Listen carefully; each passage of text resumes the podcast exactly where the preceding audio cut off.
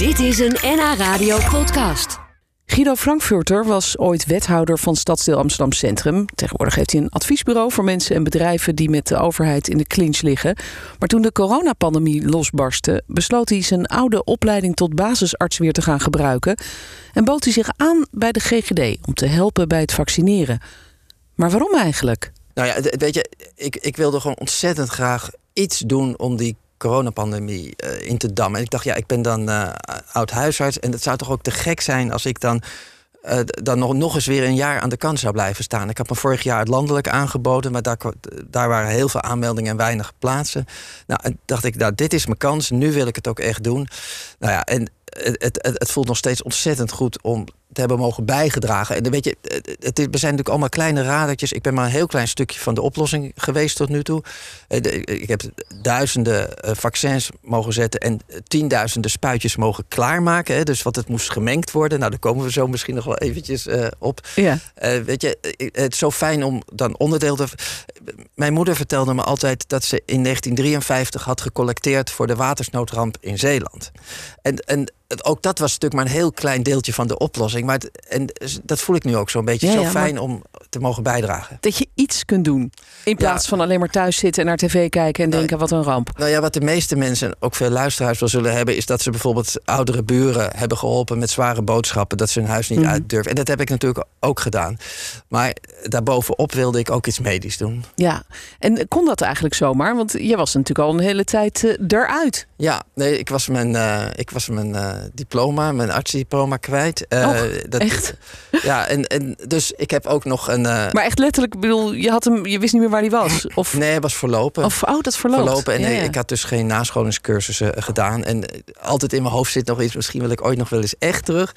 Maar goed, uh, de, ik heb dus in de RAI, waar ik toen begonnen ben de eerste zes maanden, heb ik ook wel echt weer een vaccinatiediploma moeten halen. Ja. onder toezicht van een arts. Uh, ja, het is wel belangrijk om te zeggen dat daar dus heel veel mensen werken zonder uh, prikken, zonder uh, dat ze arts zijn.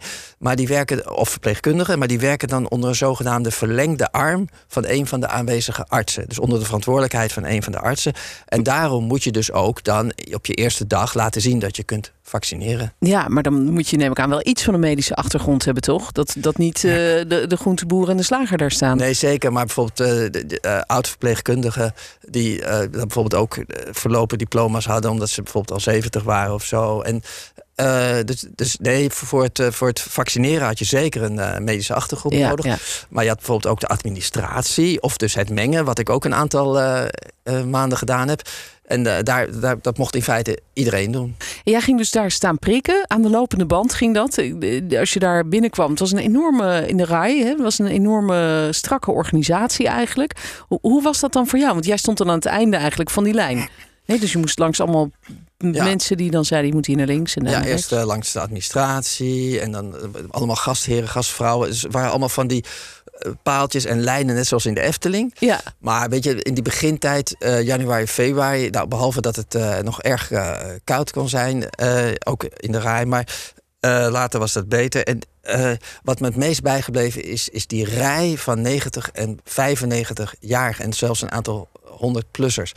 En die stonden dan in die rij, soms zelfs zonder enig uh, hulpmiddel. En dan was er een begeleider. En de begeleider was dan hun kind. En hun kind was ook al in de zeventig. en gepensioneerd. Ja. En, en die rij en die, rij van, die rijen waren toen vrij lang, omdat het vrij langzaam ging. Hè?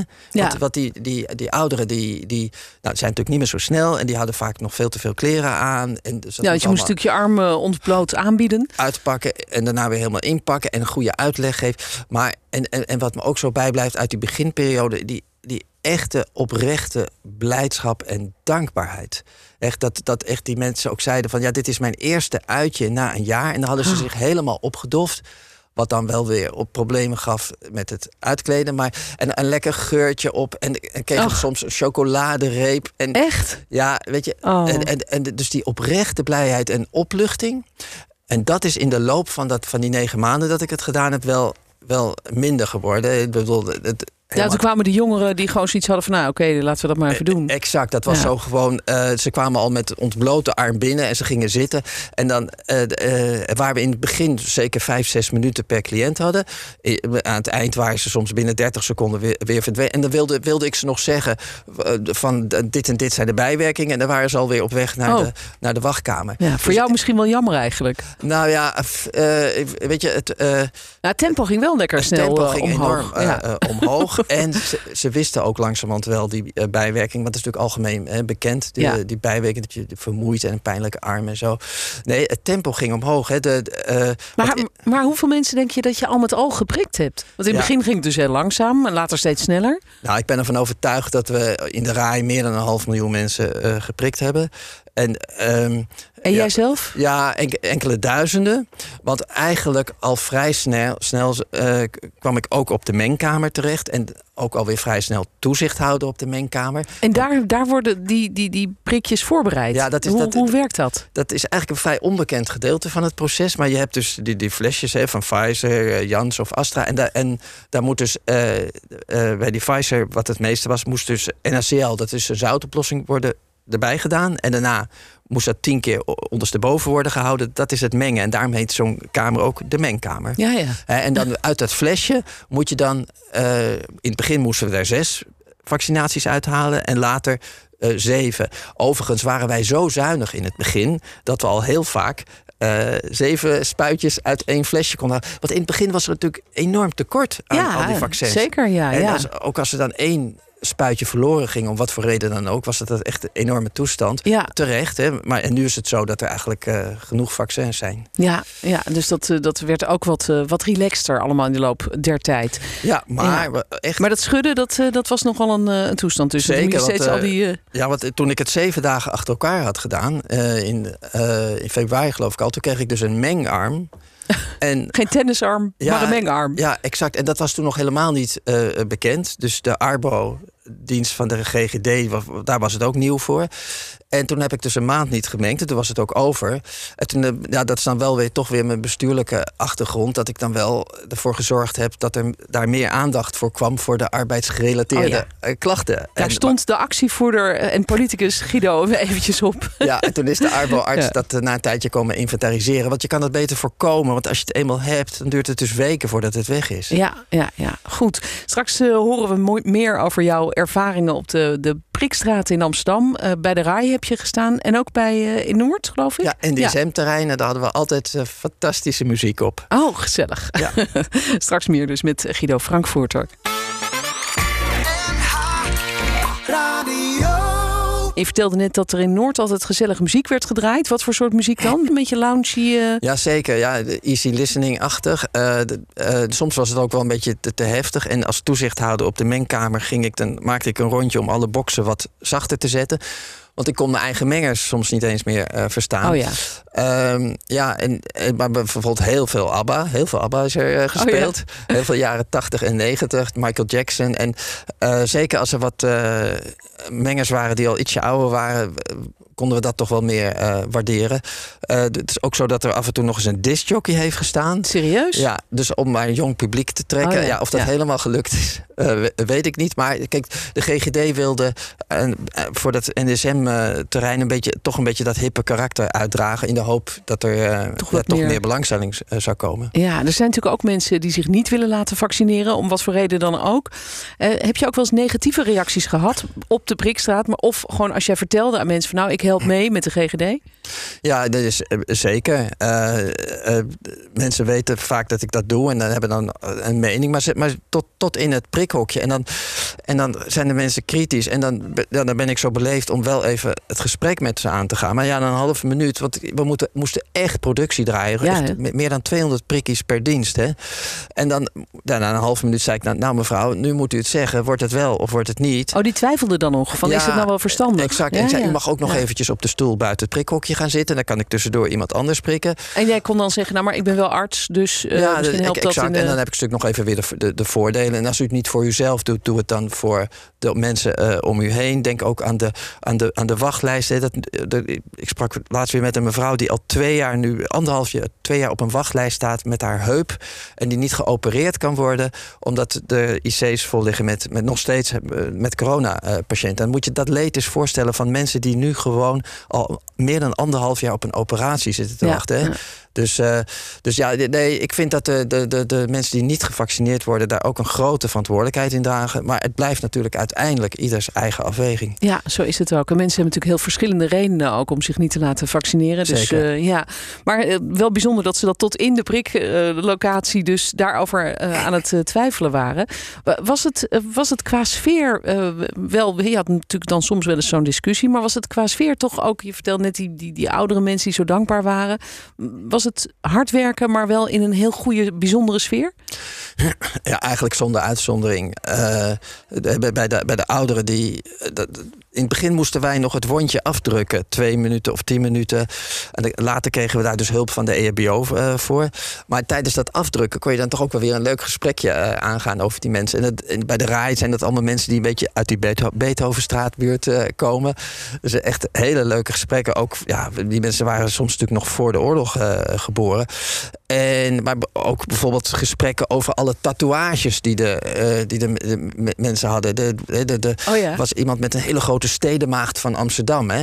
En, en, en dan ga je zo'n zo'n gesprek van... mag je dan door de stedenmaagd van Amsterdam prikken? Dat, dat, dat kan je toch eigenlijk, kan je toch eigenlijk niet maken? En, en meestal bij die grote tatoeages vond ik dan nog wel een plekje... waar geen, uh, waar, waar geen tatoeage uh, uh, zat. Oh ja, en, en een vrouw, die, en, en, nee, een man met hele dikke grote armen... maar die had de borsten van zijn vrouw op min of meer ware grootte op die arm. Uh, ja, toen zijn we toch maar, ben ik uh, overgestapt op zijn andere arm. Want ik, vond ik dat, ja, nee, dat dacht nee, dat, dat, moet nou, ik gewoon, dat moet ik gewoon niet doen. Hem, de... maar, hem maakt het niet uit hoor, maar ik dacht nee, dat is geen goed nee, idee. Nee, nee, dat voelt wel gek. Nee. Ja, want uh, je maakt een hoop gekke dingen mee, denk ik, in zo'n prikstraat. Ja, het, het, is, het, het is echt onvergetelijk. Maar weet je, bijvoorbeeld ook met de gele boekjes, die, die toestanden. In, in, in mijn dagboek heb ik daar ook, ik hou een dagboek bij, daar heb ik veel over geschreven.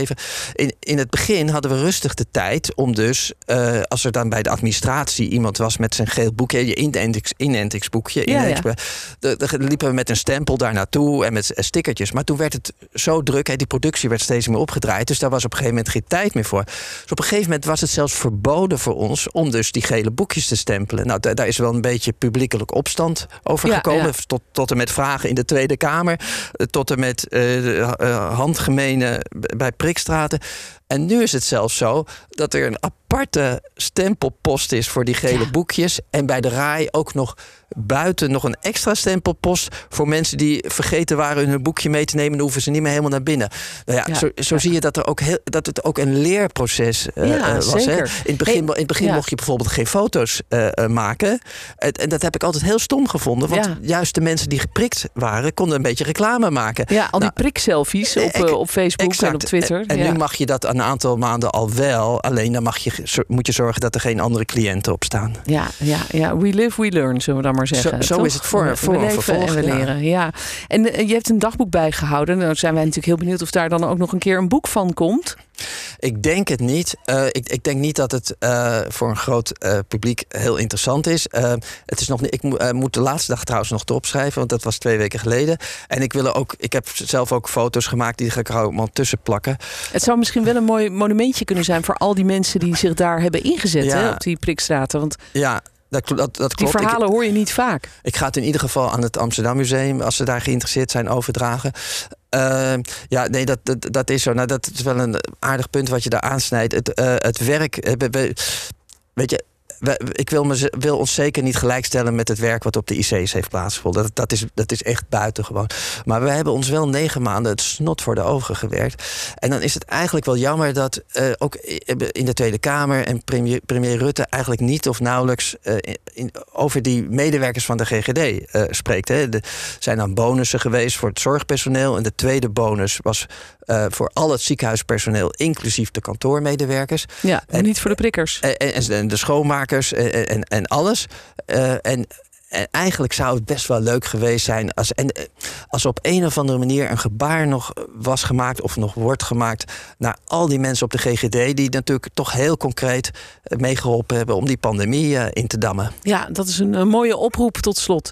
Dankjewel dat je hier was. Guido Frankfurter hoorde je. En hij werkte dus mee op de Brikstraat in Amsterdam in de Rai en ook in Amsterdam Noord. En uh, nou, ik ga toch afwachten of dat boekje er komt. Dat, het lijkt mij toch een, uh, een mooi, uh, mooi monument. En anders moeten we even naar het Amsterdam Museum om het te bekijken, dat dagboek. We zullen zien. Dit was een NH Radio podcast. Voor meer, ga naar nhradio.nl NH Radio